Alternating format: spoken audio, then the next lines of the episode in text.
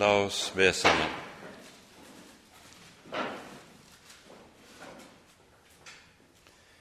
Kjære gode Herre, deg takker og lover vi for all din nåde, for all din godhet imot oss. Takk, Herre, mest av alt, at vi skal få lov til å være dine barn for Jesus skyld, og at du har fridd oss fra alt det som ondt er i våre egne hjerter. Takk, Hellige Gud, at du sender ditt ord og sender din ånd, for daglig å fornye oss og holde oss oppe i troen hos Jesus. Så ber vi, Herre, vær hos oss denne kvelden. Gi oss lys i dine ord, for at ordet også kan gjøre sin gjerning inn i våre liv, i våre hjerter og i vårt fellesskap. Herre, forbarm deg over oss. Amen.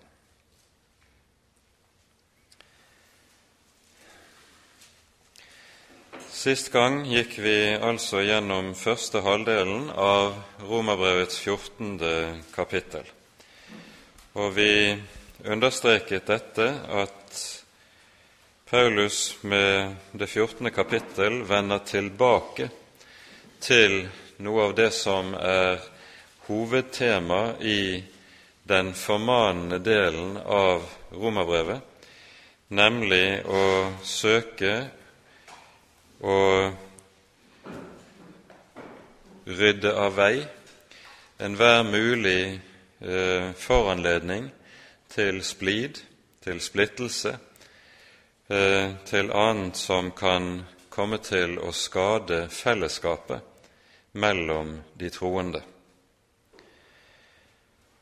Og eh, vi hører derfor at han innleder kapitlet med å, en formaning til de som kalles de sterke. Ta dere av den som er svak i troen, uten å gjøre dere til dommere over hans tanker. Og Det vi så hører, er at Paulus i denne sammenheng tar for seg to ulike grupper i menigheten.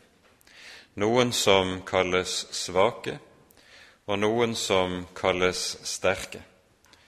Og Forholdet mellom disse to er helt tydelig kommet til å bli preget av innbyrdes mistillit og fordømmelse. Vi hører i det tredje verset at det sies:" Den som eter, må ikke forakte den som ikke eter. Og den som ikke eter, må ikke dømme den som eter. Gud har jo tatt seg av ham. Det det dreier seg om i dette avsnittet, er altså at det er noen som kalles for svake. De kalles svake fordi de har en overømfintlig samvittighet som ikke tillater dem den kristne frihet i forhold til det vi kaller for adiafora, og det som konkret det dreier seg om i denne sammenheng, det er mat og drikke og ulike typer helligdager. Disse som har en slik overfølsom samvittighet, de føler det nødvendig med avholdenhet i forhold til unnskyld, bestemte typer mat, og er ganske strenge på det området, med det til følge at de derfor også dømmer dem som ikke har den samme strenghet, dem som i stedet representerer en frihet som gjør at de ikke føler seg bundet av den typen forskrifter som de andre gjør. Det vi altså legger merke til her, det er da at Paulus kaller disse svake, som vi antageligvis i våre dager ville kalt for sterke, fordi de nettopp opptrer som strenge i sin hellighet og strenge i sin fordømmelse av de som gjør bruk av den kristne frihet. Motsatt så forstår vi at de som kalles for sterke, de eh, har skjønt mer av hva den kristne frihet innebærer, og at de derfor også står fritt når det gjelder slike ytre ting som mat og drikke, og også dette med ulike dager. Men i kraft av denne sin større innsikt i hva den kristne frihet dreier seg om, føler de seg overlegen i forhold til de andre. Og Derfor ser de ned på disse sneversynte og trangsynte søsken i troen, og uh, opptrer altså ganske nedlatende overfor disse. Den slags sømmer seg ikke i det kristne fellesskap, i de helliges samfunn. Det er det Paulus vil understreke med hele dette avsnittet som vi nå er inne i. Verken det å dømme hverandre, forakte hverandre eller se ned på hverandre hører hjemme der hvor det er et rett og sant kristent fellesskap. Og det er altså dette apostelen gjerne vil ta vare på og gjøre menigheten oppmerksom på. Og Da tror jeg vi med dette som innledningsord leser det siste halvdelen av kapittelet, som begynner med vers 13. Derfor bør vi ikke lenger dømme hverandre. Fell heller den dom at ingen må legge noen anstøtstein eller felle for sin bror. Jeg vet og er overbevist i Herren Jesus om at ingenting er urent i seg selv. Men for den som holder noe for urent, for ham er det urent. Og dersom du med din mat volder din brors sorg, da vandrer du ikke i kjærlighet. Du må ikke med din mat føre den i fortapelse som Kristus er død for. La da ikke det gode dere har, bli spottet. Guds rike består jo ikke i mat og drikke, men i rettferdighet og fred og glede i Den hellige ånd. For den som i dette tjener Kristus, er til behag for Gud og står sin prøve for mennesker. La oss da jage etter det som tjener til fred og til innbyrdes oppbyggelse Bryt ikke ned Guds verk på grunn av mat. Ganske visst er alt rent, men det er ondt for det mennesket som eter det, når det er til anstøt. Det er godt å la være å ete kjøtt eller drikke vin eller gjøre noe annet som er til anstøt for din bror. Har du tro, ha den for deg selv, for Guds åsyn. Salig er den som ikke dømmer seg selv i det han velger, men den som tviler, er dømt dersom han eter, fordi han ikke gjør det i tro. Alt som ikke er av tro, er synd.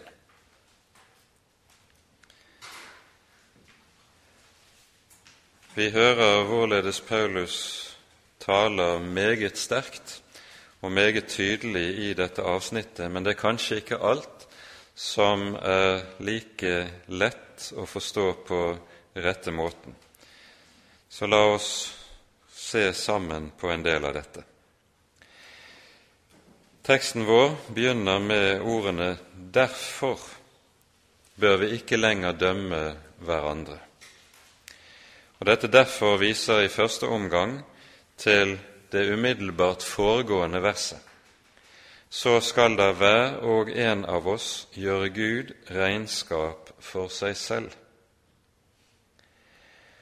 Og Dermed så pekes det på noe av det som er helt avgjørende, ikke bare når det gjelder hvorledes en kristen skal tenke om sitt eget gudsforhold, men nettopp at dette som har med hans gudsforhold, det skal være det som også preger hans forhold til sin neste. jeg står for Gud, og det er ham jeg skal svare regnskap for livet mitt. Og Derfor lærer også Skriften med meget sterke ord at det å frykte Herren er begynnelsen til visdom. Det er begynnelsen til alt som har med den rette liv og den rette vandring med Herren å gjøre. Og Samtidig er det dessverre slik at nettopp dette som er selve begynnelsen til et sant og rett kristent liv, det er noe av det vi glemmer aller lettest. Og så må Herren på ny og på ny komme tilbake og lære oss om igjen hva som er den egentlige ABC. Å frykte Herren er begynnelsen til visdom. Og det det handler om i denne sammenheng, når vi står med et sånt ord som vi har her i vers 12 og 13, det er at vi kanskje skulle minne om ordene i 1. Korinterbrevs 11. kapittel. Her skriver apostelen slik i vers 31 og 32.: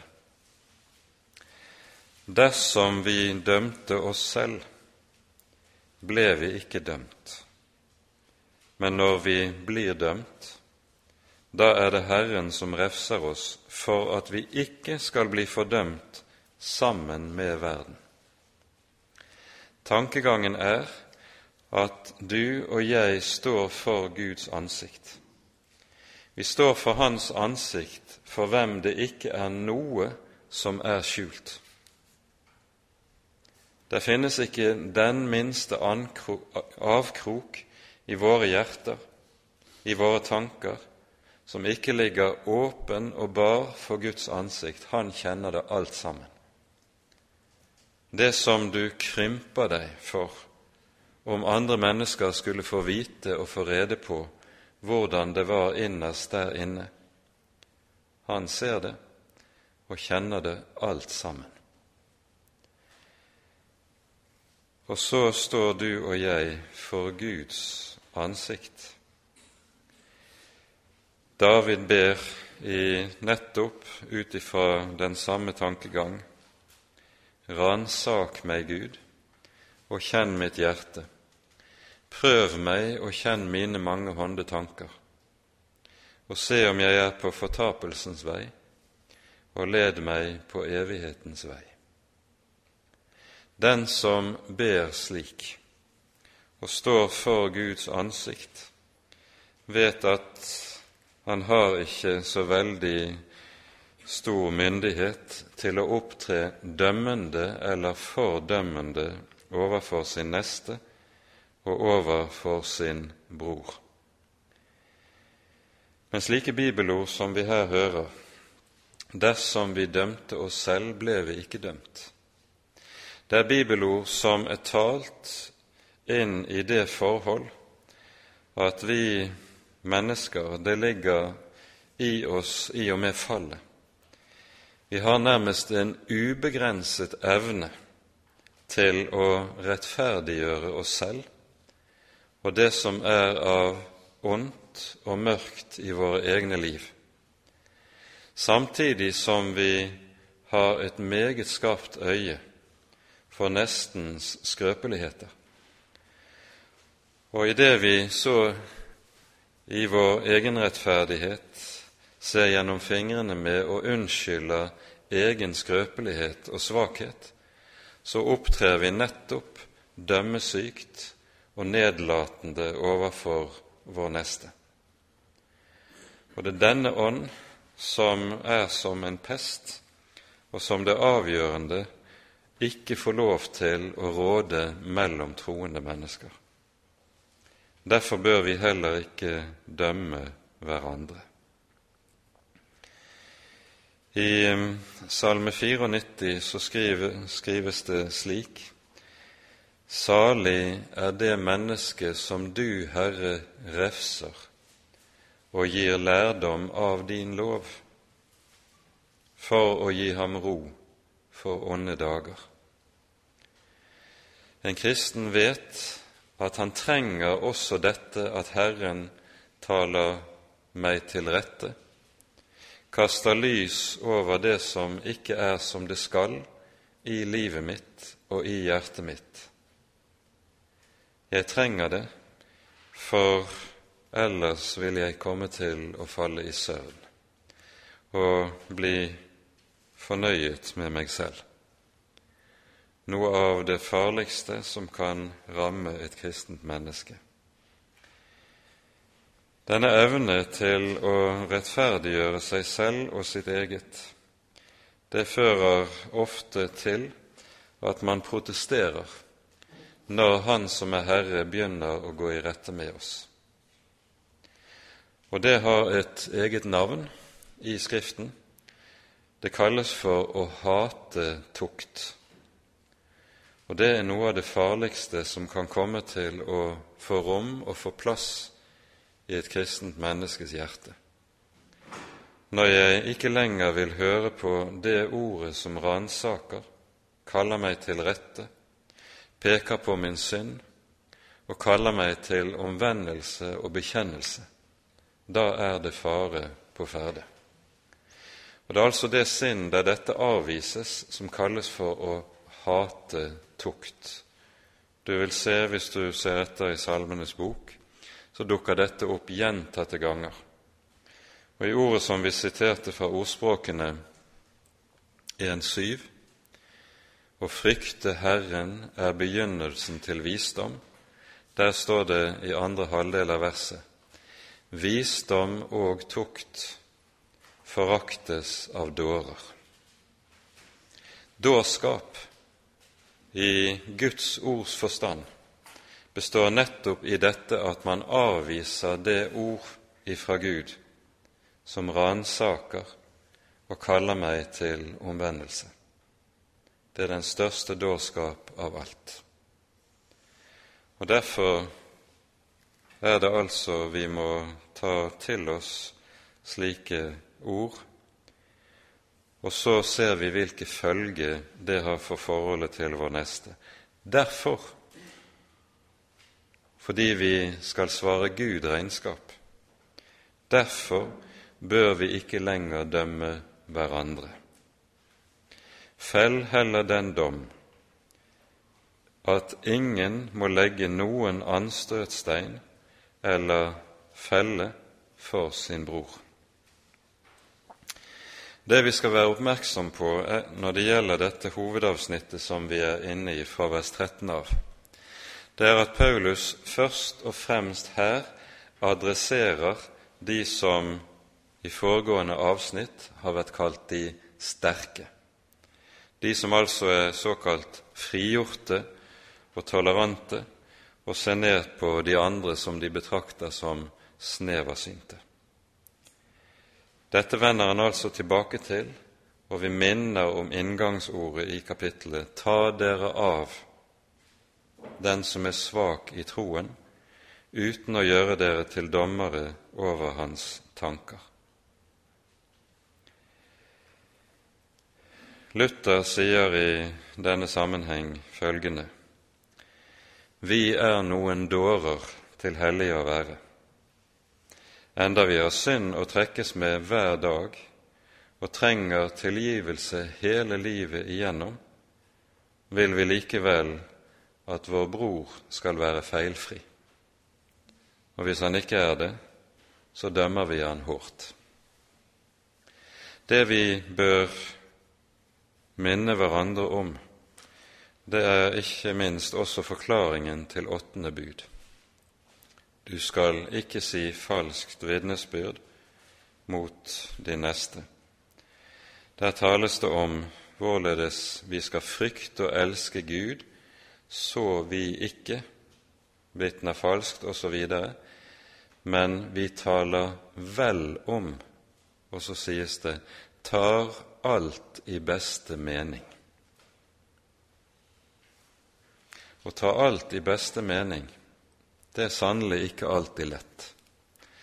For når du ser din neste gjør et eller annet som du enten er uenig i, eller kanskje du føler at du tråkkes på tærne, så tillegger du han alltid negative, svarte motiver. Du mener deg å vite hva som ligger bak i hjertet hans, og i stedet for å ta de beste mening og tenke det var kanskje ikke slik ment, så reiser sinnet seg i deg, og du tar, gjør det motsatte av å ta ting i beste mening.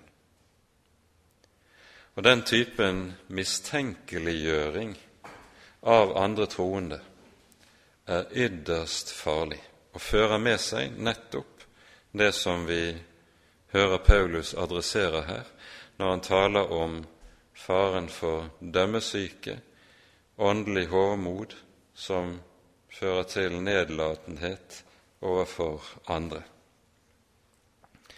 Fell heller den dom. Gjør det altså klart hos dere selv Ingen må legge noen anstøtstein eller felle for sin bror. Så fortsetter apostelen med å si:" Jeg vet og er overbevist i Herren Jesus om at ingenting er urent i seg selv. Men for den som holder noe for urent, for ham er det urent. Det som det dreier seg om her nå, det er altså mat og drikke i, som, var som var det aktuelle i den sammenheng. I vår sammenheng er dette ikke noe problem i forholdet mellom oss som kristne. Men vi har eksempler fra nyere tid på lignende ting som kan bli aktuelle. Når Paulus sier 'ingenting er urent i seg selv', men for den som holder noe for urent, er det urent, så kan vi tenke på hvordan det var under vekkelsene for hundre år siden. Om en spillemann ble omvendt, så var det ikke uvanlig at han kunne knekke halsen på felen sin, fordi han hadde brukt denne i sammenhenger og til ting som slett ikke var oppbyggelig, men kanskje førte til mye synd. For ham var det dermed urent, og det kunne være helt nødvendig for en slik mann å holde seg unna denne for en periode. Men det er helt klart at fiolinen ikke er noe ondt i seg selv. Men for en som altså har sittet fast i noe slikt, ville det være nødvendig å holde seg borte fra det. Dette er kanskje et moderne eksempel, eller et nyere eksempel, på en tilsvarende problemstilling. Ordene som anvendes når det sies at vi hører at det taler om anstøt og felle for sin bror Paulus kunne jo gjort det sånn at når han sa at Ingenting er urent i seg selv. Da kunne han opptrådt på en sånn måte at han pukket på sin rett, pukket på sin kristne frihet, og så levde han sånn som han ville, i tråd med den kristne frihet. Da ville det komme til å føre til at han skapte anstøt overfor den bror som hadde en svak samvittighet. Ordet anstøt det betyr ikke det som vi ofte tenker sånn i dagligtale, ehm, at det er noe som er upassende. Men ordet anstøt betyr i Bibelen noe som fører til at min neste kommer til fall, altså at han faller i synd. Det er det som er betydningen av ordet anstøt. Og Det er viktig å være oppmerksom på det, at man ikke tolker det som om det bare dreiet seg om noe upassende. Når vi hører at om slik bruk av den kristne frihet som Paulus her taler om, skulle leves ut, så kan det til og med bli en felle for broren. Det betyr noe som kan føre ham til fortapelse. Så alvorlig bedømmer Paulus altså det vi her hører om. Det er det som eh, han kommer tilbake til i, lenger nede i samme avsnittet som vi har pekt på.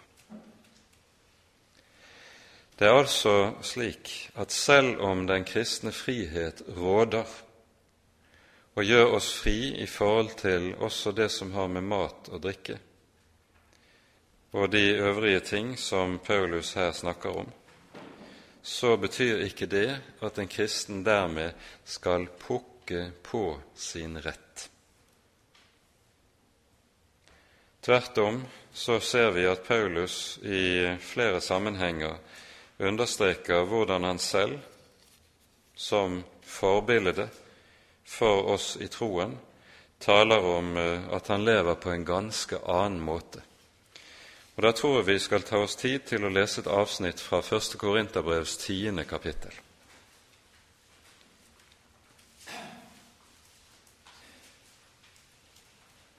Her leser vi fra vers 23. Jeg har lov til alt, men ikke alt gagner. Jeg har lov til alt, men ikke alt oppbygger. Ingen må søke sitt eget, men heller det som er til gagn for nesten. Alt det som blir solgt i slakterboden, kan dere ut, ete uten at dere for samvittighetens skyld spør mer etter det. For jorden og alt som fyller den, hører Herren til. Dersom noen av de vantro innbyr dere, og dere vil gå dit, da er alt som settes frem for dere uten da et alt som settes frem for dere, uten at dere for samvittighetens skyld spør mer efter det. Men dersom noen sier til dere, dette er offerkjøtt, da la være å ete det, for hans skyld som sa dere det, og for samvittighetens skyld. Jeg mener ikke deres egen samvittighet, men nestens. For hvorfor skal min frihet dømmes av en annen samvittighet? Når jeg eter noe med takk, hvorfor blir jeg da spottet på grunn av det jeg takker for? Enten dere eter eller drikker, eller hva dere så gjør, gjør det til Guds ære og vær ikke til anstøt verken for jøder eller grekere eller for Guds menighet. Slik prøver også jeg i alle ting å gjøre det beste for alle. Jeg søker ikke mitt eget gagn, men de manges, slik at de kan bli frelst. Her ser vi hvordan Paulus meget tydelig konkretiserer at selv om han har den kristne frihet, så lar han likevel kjærligheten, dvs. Si hensynet til nesten og nesten sårbare samvittighet, føre til at han ikke tar i bruk denne kristne frihet, som han i og for seg hadde rett til. Det som eh, det kan sies å handle om, det er altså ikke bare å gjøre hva som er rett, men å gjøre hva som er godt, nemlig for nesten. Og så hører vi at Paulus i alle ting lar tanken rundt hva er godt for min neste, være det som styrer hvorledes han innretter livet sitt. Når Paulus her i Romane 14, vers 14, sier som vi vet, hørte det Jeg vet og er overbevist om i Jesus at ingenting er urent i seg selv. Da er dette en uhyre sterk forsikring. En sånn dobbelt forsikring er det ikke ofte vi møter i Det nye testamentet. Men når Paulus understreker dette på den måten, så henger det sammen med en annen viktig sak, nemlig det som Paulus skriver i 2. Timotius brevs første kapittel, når han sier 'Jeg vet på hvem jeg tror'. jeg vet på hvem jeg tror. Og det er fordi han kjenner Herren, han også vet ingenting er urent i seg selv. Vi hørte det i Korinterne 10. Han siterer fra Salme 24. Jorden og alt det som fyller den, hører Herren til. Derfor er det ingenting som er urent i seg selv av det skapte.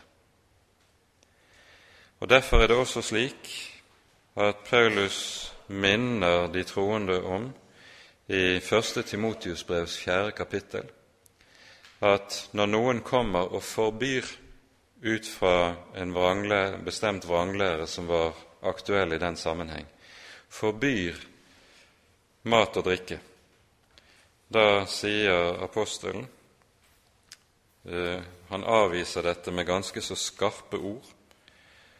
Og så sies det, vi kan lese 1. Timotius 4,3.: Disse forbyr å gifte seg og påbyr å avholde seg fra visse slags mat, enda Gud har skapt den til å bli tatt imot med takk av dem som tror og har lært sannheten å kjenne.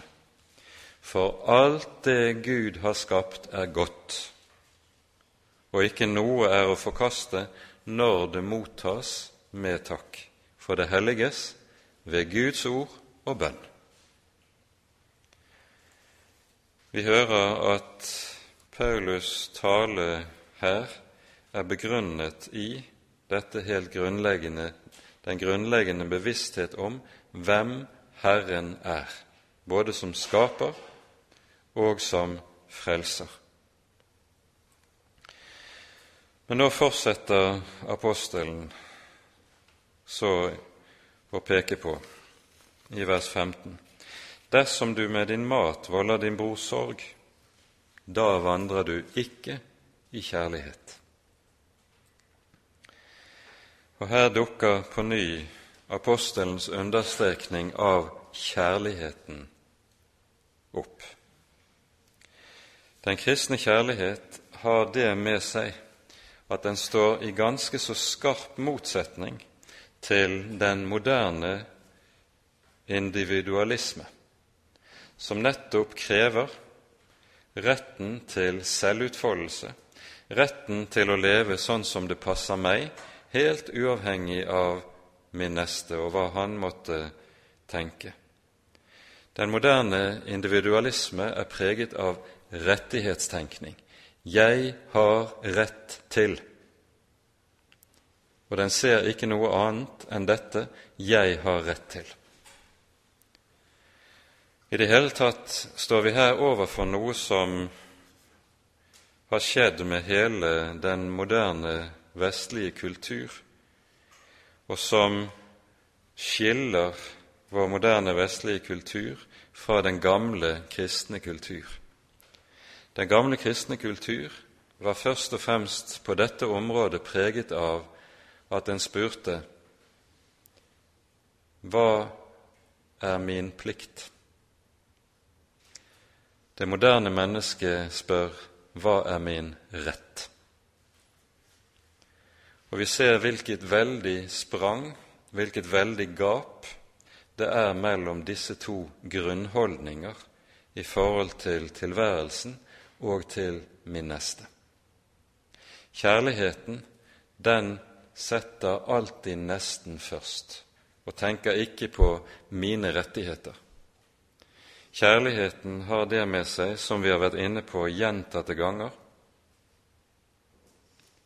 Den er villig til å gi seg selv, til å ofre seg selv. Det er det som preger det kristne ordet agape, som vi finner i Det nye testamentet, og som så godt som ikke brukes utenom Det nye testamentet i sekulær gresk. Og så hører vi hvor alvorlig Paulus peker på misbruk av den kristne frihet kan komme til å få av konsekvenser. Du må ikke med din mat føre den i fortapelse som Kristus er død for. Det er vel ett område i våre dager som kan være særlig aktuelt når det gjelder disse tingene, og det er det som gjelder forholdet til alkohol. Det er mange som har problemer med alkohol. Og selv om bibelsk sett så er vinen en Guds gave, den betraktes som dette i, gjennom hele Skriften, så vet vi at det å gjøre bruk av den kristne frihet i forhold til dette, det kan komme til å skade nesten alvorlig hvis vi står overfor et menneske som nettopp har problemer på dette området. Og Da er det at hver nettopp skal minne seg selv om det som Paulus her skriver. Du må ikke ved din drikke føre den i fortapelse som Kristus er død for. Det handler om at hensynet til nesten skrøpelighet skal være det som styrer hvordan jeg fører meg. Og når Paulus her understreker du må ikke føre den i fortapelse som Kristus er død for, så minner apostelen med det om hvor mye har ikke Jesus ofret for å redde dette mennesket som du står overfor? Hva har det ikke kostet Herren Jesus å gjøre dette mennesket til Guds barn? Skal du da i egoistisk selvutfoldelse føre den som Jesus er død for, i fortapelse? Sånt gjør ikke troende mennesker. Det er apostelens tankegang. Så føyer han til en videre begrunnelse i det neste verset. La da ikke det gode dere har, bli spottet. Ehm, det handler om her det som kalles for det gode. Det er den kristne frihet. Men hvis den kristne frihet kommer til å bli til skade for nesten, da vil det føre til at friheten spottes. Og det er dette som de skal være oppmerksomme på, de som kalles sterke. Og så føyer apostelen til, og dette er jo et grunnord i denne tekstsammenhengen Guds rike består jo ikke i mat og drikke, men i rettferdighet og fred og glede i Den hellige ånd. Dette er en av de helt få sammenhengene i Paulusbrevene hvor eh, Paulus bruker uttrykket Guds rike. Vi møter det hyppig i evangeliene, men svært, svært sjelden i Paulus sine brever. Uttrykket betyr først og fremst Guds kongevelde, det at Gud er blitt konge over oss ved evangeliet. Jesus forkynte jo når han sto frem, himlenes rike er kommet nær. Omvend dere og tro evangeliet for det er evangeliet selv som bringer Guds rike. Og hva er det evangeliet gir? Det gir nettopp det som vi her hører. Det gir rettferdighet og fred og glede i Den hellige ånd. Og det er det Guds rike består i. Et par ord om disse enkelte hoveduttrykkene som eh, Paulus her peker på. Rettferdighet, det er jo selve hovedtemaet i romerbrevet. Romerbrevet handler om hvorledes vi blir rettferdiggjort overfor Gud for Jesus skyld. Dette er noe som ikke skjer ved loven, ved menneskets egen innsats og forsøk på å arbeide på å forandre seg selv. Tvert om så skjer det ved Jesu død og oppstandelse for vår skyld, fordi det er Jesus selv som er vår rettferdighet. Freden som det taler om, det er rettferdighetens frukt. I Jesaja-bokens 32. kapittel så sies det rettferdighetens frukt skal være fred. Og i Romane 5 så sier Paulus følgende Da vi nå er rettferdiggjort av troen, har vi fred med Gud ved vår Herre Jesus Kristus. Og Når Paulus taler slik, så minner vi om at han da ikke taler om fred som en følelse, men som en tilstand. Gud er ikke lenger vred på meg.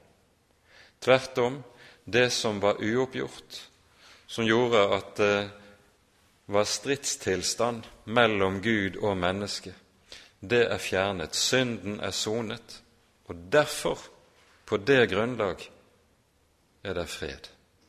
På det grunnlag er den kristen skal vite at han har fred med Gud. Og så legges det til til slutt glede i Den hellige ånd. Nå kan eh, ordene 'i Den hellige ånd' også eh, sies å høre til ordene rettferdighet og fred, altså rettferdighet i Den hellige ånd, fred i Den hellige ånd, og så glede i Den hellige ånd. Men eh, sannsynligvis så er det slik at det er det siste uttrykket som det særlig understrekes her glede i Den hellige ånd. Hva er det som er Den hellige ånds fremste gjerning? Jesus sier i Johannes 16, 14 om Ånden Han skal herliggjøre meg, for han skal ta av mitt og forkynne dere. Ånden herliggjør Jesus. Og der det skjer hos et kristent menneske, når Jesus blir stor, når Jesus blir herliggjort, da gleder et kristent menneskes hjerte. Han får se inn i hva det er Jesus betyr. Han får se inn i hva det er Jesus har gjort og ofret for sin skyld. Og når det begynner å lyse for meg, da fryder hjertet seg. For det er det som kalles glede i Herren i Skriften. Og Denne gleden i Herren den hører vi meget om i mange sammenhenger. Men ikke minst ser vi at når det er tale om glede i Den hellige ånd, så er dette noe, en glede som er knyttet sammen med gleden i Guds ord. Og det er viktig å understreke i denne sammenheng. Det er jo slik det lærer Bibelen meget tydelig, at Ånden gis oss og kommer til oss i og gjennom Ordet. Og Derfor vil gleden i Ånden alltid være en glede i Ordet og over Ordet. Tenk bare på hva vi leser i Salme 1. Salig er den mann som ikke vandrer i ugudeliges råd osv., men står det har sin lyst i Herrens lov og grunner på Hans lov dag og natt. Denne gleden i Guds ord, den er noe av det grunnleggende i et kristent menneskes liv. Og Her kan vi ikke unnlate å sitere litt fra Jesaja, unnskyld, fra Salme 119.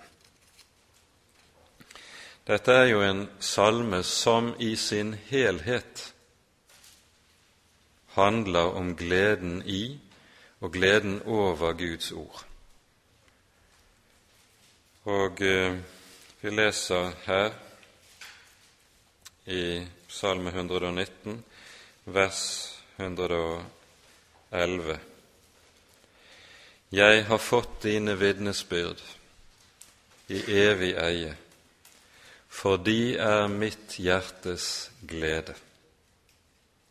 I vers 162.: Jeg gleder meg over ditt ord som en som finner stort bytte. Det er gleden i Den hellige ånd.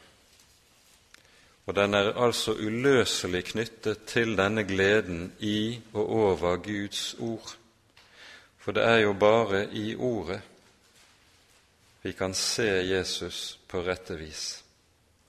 Det er derfor også disse to som vi hører vandre til Emmaus, og Jesus slår seg sammen med dem, lukker opp Skriftene for dem, og så står det:" Brente ikke våre hjerter i oss da han talte med oss på veien og lukket opp Skriftene for oss. Det er en glede som fører til brann i hjertene. Gleden i Skriftene burde være noe som kom tilbake blant kristne mennesker. Guds rike består ikke i mat og drikke, men i rettferdighet og fred og glede i Den hellige ånd. I parentes skal vi kanskje bemerke at dette bibelordet burde stå som en overskrift over all rett kristen julefeiring, og få oss til å besinne oss på hva en rett høytid er, og hva det ikke er. Paulus føyer så til etterpå for den som i dette tjener Kristus, er til behag for Gud og står prøve for mennesker. Altså, her står det ikke noe om at tjenesten dreier seg om hva man gjør. Legg merke til det. Det er jo slik vi ofte bruker ordet 'tjene'. Da handler det om at du gjør det ene og ikke gjør det andre, osv. Men her sies det 'den som heri', altså i rettferdighet, fred og glede, tjener Kristus. Det er en annen måte å bruke ordet 'tjene' på enn vi er vant til. Men det beskriver meget tydelig og klart hva det er som kjennetegner den rette kristne tjeneste. Vi leser i Lukasevangeliets første kapittel, Sakarias lovsang, ord som går direkte inn i noe av det som vi her peker på.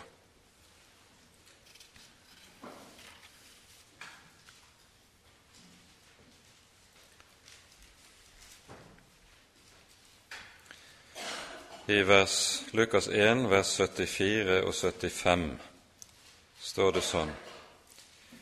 Om evangeliet, løftet som var gitt til fedrene, om å fri oss fra våre fienders hånd, så står, kommer det å gi oss å tjene Ham uten frykt, i hellighet og rettferdighet for Hans åsyn alle våre dager å tjene ham uten frykt, det er barnekårets ånd. Å tjene Gud i frykt, det er trelldommens ånd. Paulus skiller jo mellom disse to i Romerbrevets åttende kapittel, som vi har vært inne på tidligere. Vi skal bare kort minne om det verset, Romerne 8, vers 15, der han sier dere fikk jo ikke trelldommens ånd, så dere igjen skulle frykte. Men dere fikk barnekårets ånd, som gjør at dere roper 'Abba, Far'. Å tjene ham uten frykt, det er barnets privilegium. Barnet som vet at for Jesus skyld så er Gud min kjære far. En far som elsker meg fordi han har gitt sin sønn i mitt sted. En far som har det med seg, som vi også leser i Romane 8. Han som ikke sparte sin egen sønn, men ga ham for oss alle. Hvorledes skulle han kunne annet enn å gi oss alle ting med ham? Det er faderhjertet i et nøtteskall, og det er fadersinnet slik det ytrer seg overfor Guds barn. Så fortsetter apostelen. La oss da jage etter det som tjener til fred og innbyrdes oppbyggelse. Poenget her er, sånn som vi har vært inne på tidligere, dette er noe som ikke skal være så å si venstrehåndsarbeid for et troende menneske. Det er noe som de troende skal legge den største vekt på, med tanke på nettopp å bevare enheten og fellesskapet seg imellom, og at ikke noe skal tillates å få komme inn som skaper skiller mellom Guds barn. Derfor altså jag etter det som tjener til fred, og til innbyrdes oppbyggelse. Og Her understreker vi igjen hva ordet 'oppbyggelse' betyr i Det nye testamentet. Det betyr nemlig ikke, sånn som det ofte anvendes i kristelig dagligtale, at man føler seg oppbygget etter et møte, man synes man har hørt noe rørende eller godt, og så har man en varm følelse innvendig, og så sier man dette var oppbyggelig. Ordet oppbyggelse er i Det nye testamentet et ord som dreier seg om det kristne fellesskap. Tankegangen er Gud er byggmester, vi er Guds hus og Guds tempel. Og hvert enkelt troende menneske er en stein i byggverket som Gud holder på å reise. Jesus sier jo i Matteus 16 'Jeg vil bygge min kirke'.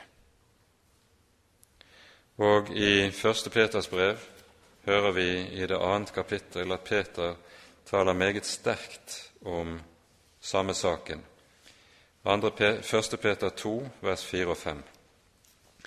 Kom til ham, den levende sten, som vel ble vraket av mennesker, men er utvalgt og dyrebar for Gud, og bli også selv oppbygget som levende steiner til et åndelig hus.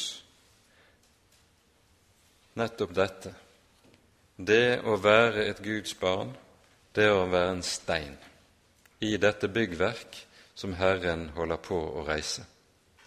Og det er slik ordet oppbyggelse anvendes i Det nye testamentet. Det er altså et fellesskapsbegrep. Det er viktig å være oppmerksom på. Og så føyes det til i neste verset Bryt ikke ned Guds verk på grunn av mat, eller på grunn av annet som kan regnes for å høre til adiafora. Når Paulus her bruker betegnelsen Guds verk, så må vi i denne sammenheng minne om ordene i 1. Korinterbrevs tredje kapittel. For det fortsatt tale om dette bildet av Guds hus eller Guds tempel som ligger i bunn. 1. Korinterbrev 3, så står det i vers 16 og 17 slik.: Vet dere ikke at dere er Guds tempel, og at Guds ånd bor i dere.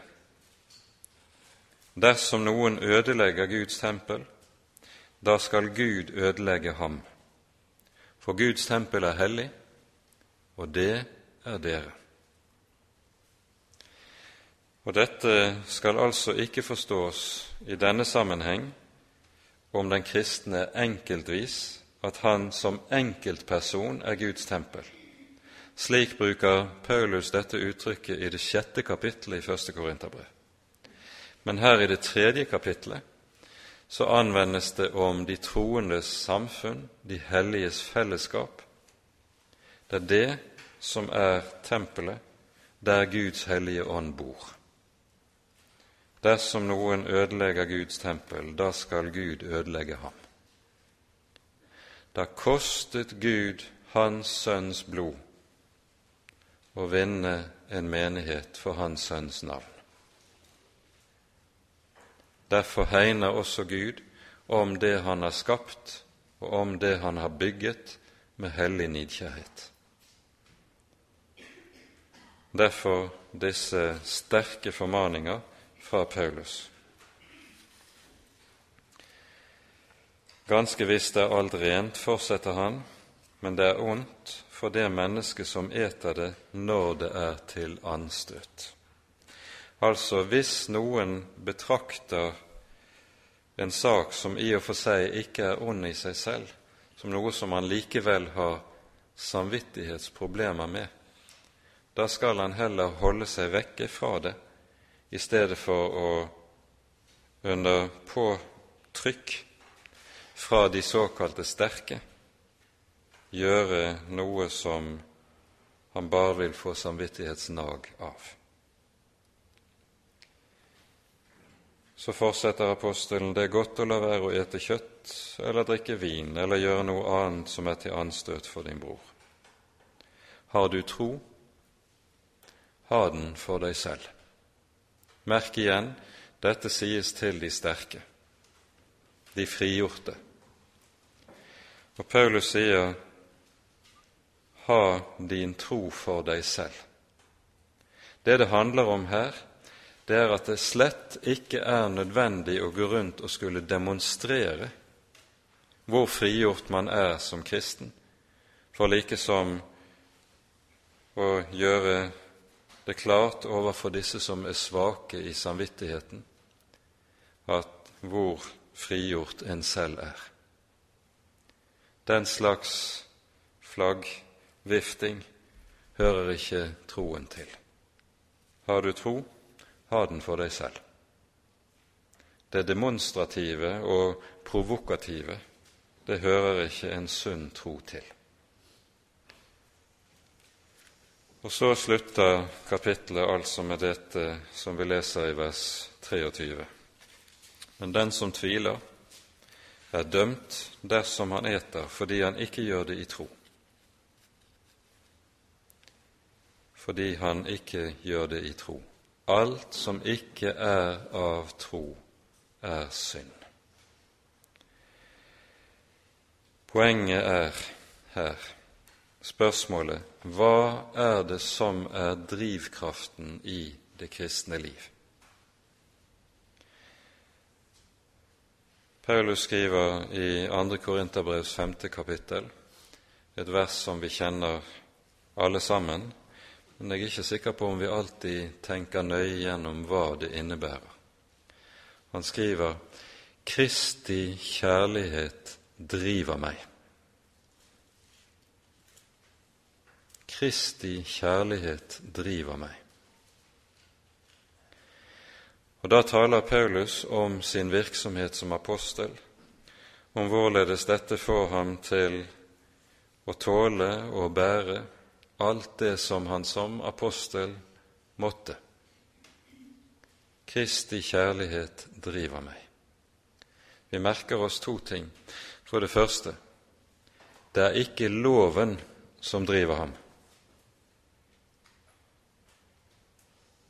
Og for det andre det er ikke menneskers påtrykk som driver ham, men det er Kristi kjærlighet. Det er det som er den egentlige drivkraften i alt det som hans tjeneste kommer til å bestå og medføre. Og her er, I dette ligger det jo også en meget skarp advarsel mot å la noe annet enn det som kommer av Kristi kjærlighet, og dermed troen på Kristus, få lov til å være drivkraften i det kristne liv. Rosenius taler i denne sammenheng om at det som kjennetegner en kristens gjerninger, det er troen i gjerningene. En kristen kan ofte komme til å gjøre nøyaktig de samme gjerninger som et ikke-kristent menneske gjør når det gjelder det daglige liv, det daglige kall og det daglige arbeid. Men det er likevel en himmelvid forskjell på et kristent menneske og et ikke-kristent menneske. Og forskjellen består i troen i gjerningene. Det er det som gjør det til hver enkelt gjerning i en kristens liv også til en Guds tjeneste. Og Derfor kan altså apostelen si, som vi her hører det, alt som ikke er av tro, er synd. Det kunne i denne sammenheng kanskje vært fristende også sagt noe mer allment om forholdet til adiafora i det kristne liv, men nå ser jeg at tiden har gått, og vi bør vel sette punktum med dette. Ære være Faderen og Sønnen og Den hellige ånd, som var og er og være skal, en sann Gud, høylovet i evighet. Amen.